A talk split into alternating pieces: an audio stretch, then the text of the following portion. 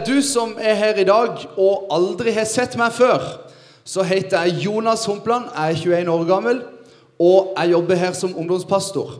Det har jeg gjort i ei lita stund. Jeg trives veldig godt med det. Og vi er inne i en taleserie som heter 'Du blir det du spiser'. Og hvis du bare får opp den, Thomas, til å begynne med Ja, der kommer filmen, ja. Det er litt seint, men vi ser den.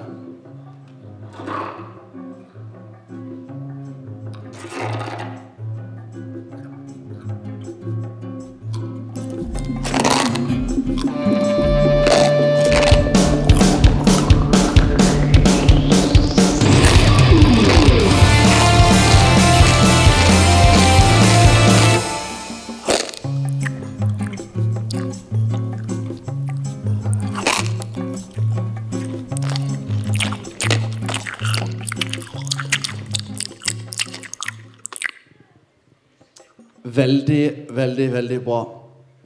Er det noen som kjenner seg igjen at du får på deg et gulrotkostyme når du spiser gulrot? Nei, det er jo ingen. Men taleserien heter allikevel 'Du blir det du spiser'. Og hva mener vi med det? Jo, eh, vi her på Alfred tror at det vi putter inn i kroppen av påvirkning og av inntrykk, påvirker hva vi blir. Altså det vi tar inn over våre liv, det er med å forme hvordan vi blir. Forrige fredag talte jeg om hva vi blir påvirka av. I dag skal jeg snakke om hvordan lar vi oss påvirke. Og det er et tema jeg syns er utrolig gøy. For lar vi oss virkelig påvirke? Er det sånn at det er noen ting som bare skjer med oss i vår påvirkning, som vi ikke kan gjøre noe med? Eller er det sånn at vi kan få lov til å bestemme alle delene av de tingene som vi blir påvirka? Jeg skal begynne med å fortelle om et par uker siden. For da var jeg på et fly på vei til Bergen. Og eh, hvem her har flydd før? Opp med ei hånd. Hvis du har flydd litt. Ja, veldig bra. Jeg er veldig glad i litt respons. Og det syns jeg er fint. Så hvis du har flydd litt, kan du gjøre litt sånn. Hvis du har vært ute og flydd. Ja, veldig bra. For jeg var ute og fløy. Og jeg skulle fly fra Kristiansand til Bergen. Og det er som oftest veldig små fly fra Kristiansand til Bergen, for du flyr med Widerøe. Det er ikke så god plass. Og ja, Jeg kom inn på fly litt seint, og jeg gikk nedover langs midtgangen der og lette etter min plass. Og når jeg ser at sete nummer 21B er ledig, og det er min plass, og ser han som sitter ved sida der, så tenker jeg å nei. For det er en mann som i aller høyeste grad er veldig mye større enn meg. Jeg er ikke den minste, men han var veldig mye større enn meg. Han var så mye større enn meg at når han satt i stolen, så landa litt av magen oppå armlenet. Der jeg helst ville hatt armen. Og det er ikke noe galt i det, men noen ganger når du sitter på et trangt, lite fly og på en måte er hva skal jeg si, litt varm, litt stressa, ikke helt i humør, så havner du med sida den største personen på hele flyet. Og på toppen av det hele sant? Magen henger overalt, armene går alle veier, beina sånn langt over på min side. Så hater han kroppskontakt! Og han er så sur! Så hver gang liksom jeg snur meg litt sånn, litt borti han, så får jeg en sånn sånn Ja, Skalla og skjeggete, og svær var han. Og så tenkte jeg med meg sjøl i etterkant av dette Kunne jeg valgt hvordan jeg ble påvirka av den situasjonen? Kunne jeg bare bestemt for meg sjøl at han her skal jeg bare si masse fine ting til og bare Oi, så gøy at du tar hele min plass! Det var helt fantastisk! Og jeg er så glad for at jeg skulle fly med sida av deg i dag og ikke få lov til å sitte på hele mitt eget CD. Jeg er utrolig takknemlig for. Sant? Kan vi bestemme det? Eller er det noen reaksjoner som skjer spontant? Jeg tror at ofte så blir vi påvirka i så mange områder der vi egentlig ikke er klar over at vi blir påvirka. Vi er ikke klar over hvordan vi lar oss påvirke. Og vi skal lese litt i Bibelen om Daniel. Og Jeg leste om Daniel forrige gang òg, og vi skal lese litt videre om Daniel. Hvem her tok utfordringa mi om å fortsette å lese om Daniel litt forrige gang? Veldig bra. Da får dere vite det nå. Ingen. Helt konge. Og eh, For dere som ikke var her, så skal jeg forklare. Daniel han var en slags minister i kongeriket. Og eh, De andre ministrene likte ikke Daniel fordi han var perfekt. Han hadde fått det til, han hadde skjønt det, og kongen likte han. Så de prøvde å finne noe å ta Daniel på, noe som skulle sverte ryktene sitt. De fant ingenting, så de fikk kongen til å finne opp en lov som gjorde at Daniel måtte ignorere sin gud, vår gud, for å så tilbe kongen. Det ville ikke Daniel. De finner han be til vår gud, og så tar de med dette til kongen, og så er vi her i historien. Så befalte kongen at de skulle hente Daniel og kaste ham i løvehulen. Kongen sa til Daniel, 'Måtte din Gud, som du fortsatt dyrker, berge deg.' De hentet en stein og la den over åpningen til hulen. Kongen forseglet dem, den med sitt seil, slik at ingenting skulle endres når det gjaldt Daniel. Tidlig om morgenen ved soloppgang sto kongen opp og skyndte seg til løvehulen. Da han nærmet seg hulen, ropte han med angst i stemmen på Daniel. Daniel, du tjener for den levende Gud. Har din Gud, som du stadig dyrker, berget deg? Da svarte Daniel, lenge leve kongen. Og hvorfor går jeg ikke lei av å bruke Daniel som eksempel? Jo, for Daniel har tatt et valg om å bestemme seg for at den viktigste tingen som han lar seg påvirke er Gud. Og det er ikke sånn at hvis vi lar Jesus, vi lar Gud påvirke våre liv, så blir alt greit. Nei, Daniel han visste at jeg, hvis jeg fortsetter å gjøre dette, hvis jeg fortsetter å gjøre rett valg, så kommer jeg likevel til å bli gjort galt mot. Daniel han skulle egentlig bli henretta. Han skulle det. Han blir kasta i løvhula. Han blir kasta til løvene i ei hule. De stenger igjen for at han skal bli spist levende fordi at han ba til sin Gud. Men han står trofast i trua på at den påvirkninga han har fra vår Gud, er så mye mer verdi den er så mye mer betydningsfull enn alt annet i hans sitt liv. Så han står trofast med det. Og jeg syns det er så forbilledlig.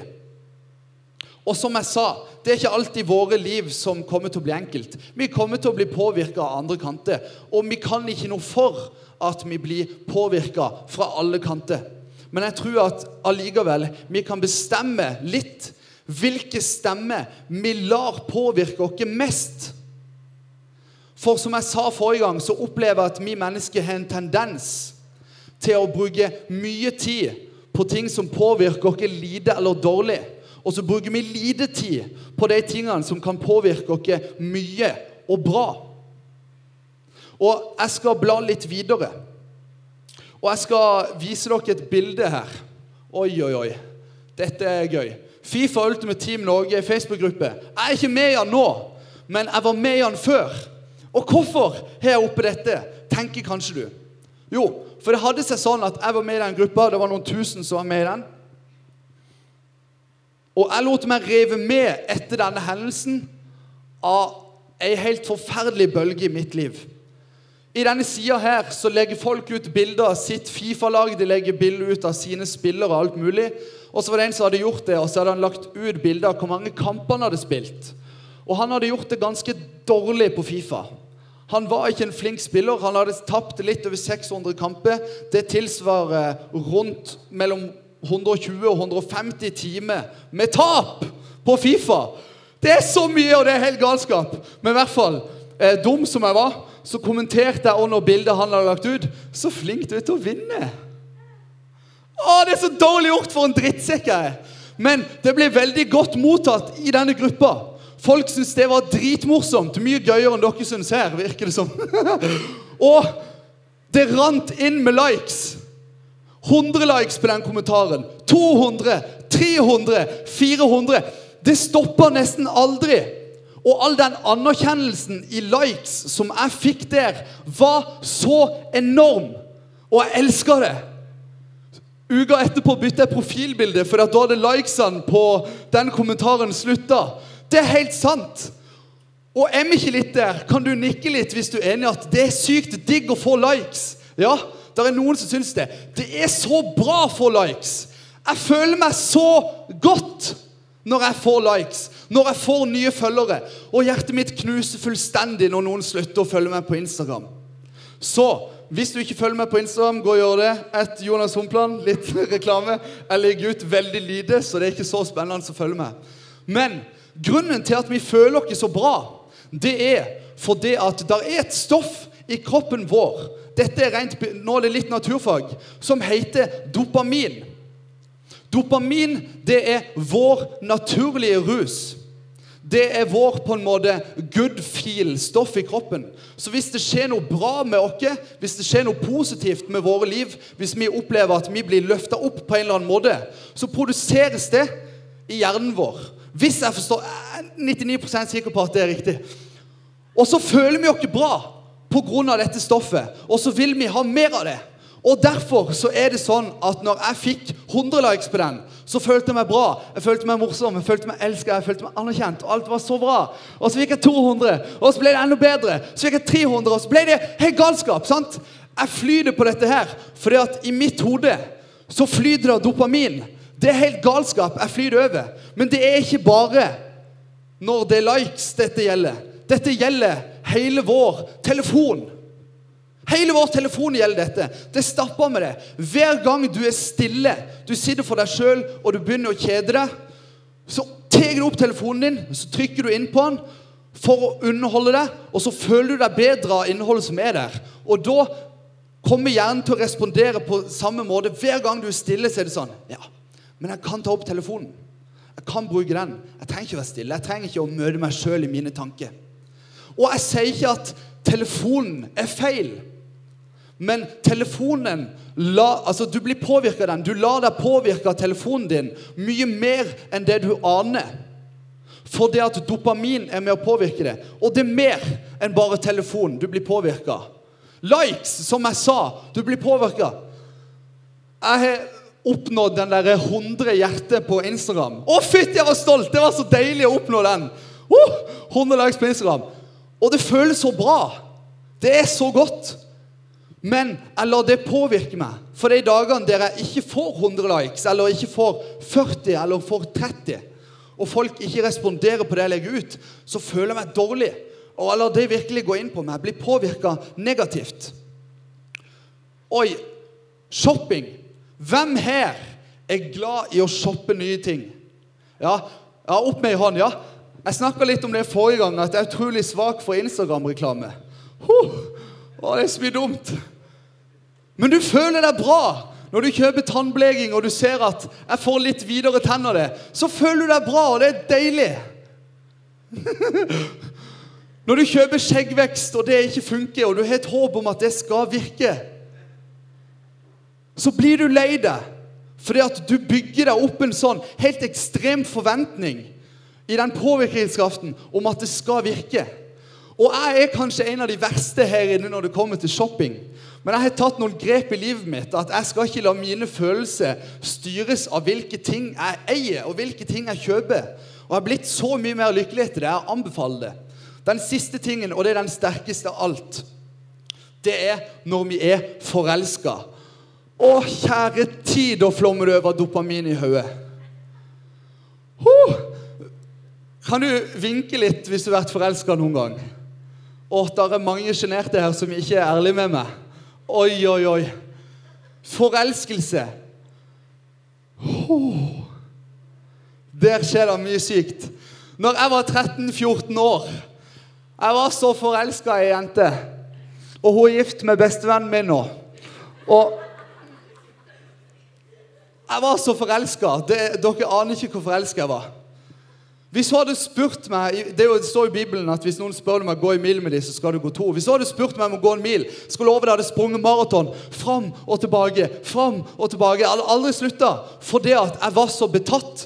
Det var noen følelser. Det var en sånn en boble inni mitt liv som bare var fylt av noe så mye mer enn det jeg klarte å tenke.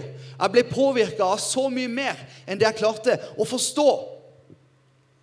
Og har du vært der når du er forelska? Du klarer ikke å snakke, du klarer ikke å tenke på annet enn den personen. Du klarer ikke å slutte å smile, du rødmer i kinnene, og det er helt galskap. Og så blir vi påvirka av det. Den dagen hun jenta eller den gutten sier 'nei, jeg er ikke interessert', så knuser hele livet! Å, det er så fælt! For vi blir så påvirka. Og hvor vil jeg henne oppi alt dette? Skal jeg bare prøve å si at alt er galt, alt er dårlig, alt er dumt? Nei! Men vi som Daniel er nødt for å bli bevisste over hvilke ting som får lov til å påvirke. For noen ting skjer av seg sjøl. En forelskelse skjer av seg sjøl. Du kan ikke alltid noe for at du blir forelska. Men du kan til en viss grad velge hvor mye denne forelskelsen skal gå inn over deg. Om du skal springe den maratonen for ei jente i 9. klasse, eller om du skal la være. Du kan få lov til å velge når du kjøper en ny genser eller et par nye med NMDs, eller hva det skal være, om de skoene skal få lov til å bety så mye eller så mye i ditt liv. Og jeg skal ta et par Egentlig ett vers.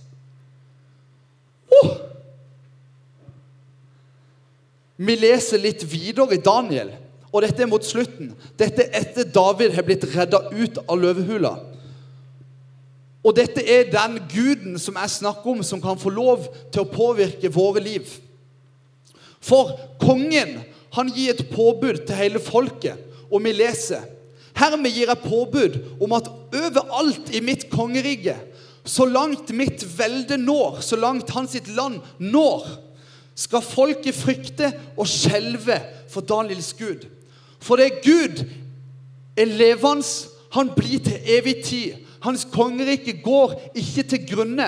Hans rike, hans velde, er uten ende. Han berger og redder. Han gjør tegn og under i himmelen og på jorden. Han berger Daniel fra løvenes klør. Den guden som vi kan få lov til å velge, skal påvirke våre liv. Det er en levende Gud. Det er en evig Gud. Hans sitt kongerike, himmelen, det slutter aldri. Det er evig. Han berger og redder mennesket. I vår nød med våre problemer og i våre glede og i våre dopaminruser. Og akkurat som han berga Daniel når han var i sin største nød for hjelp, så kan han berge deg her i kveld, og han kan berge meg om og om igjen. Vi skal ta og be. Kjære Jesus, takk for det at eh, du er en Gud som berger, du er en Gud som redder. Takk, Jesus, for det at vi kan få lov til å la du påvirke oss. La deg påvirke oss mer enn noen andre. Og så er det ikke alltid at vi kan velge Jesus, men vi kan få lov til å se til deg nå her i kveld og be deg om at du skal være den største påvirkningskraften inn i våre liv. I Jesu navn. Amen.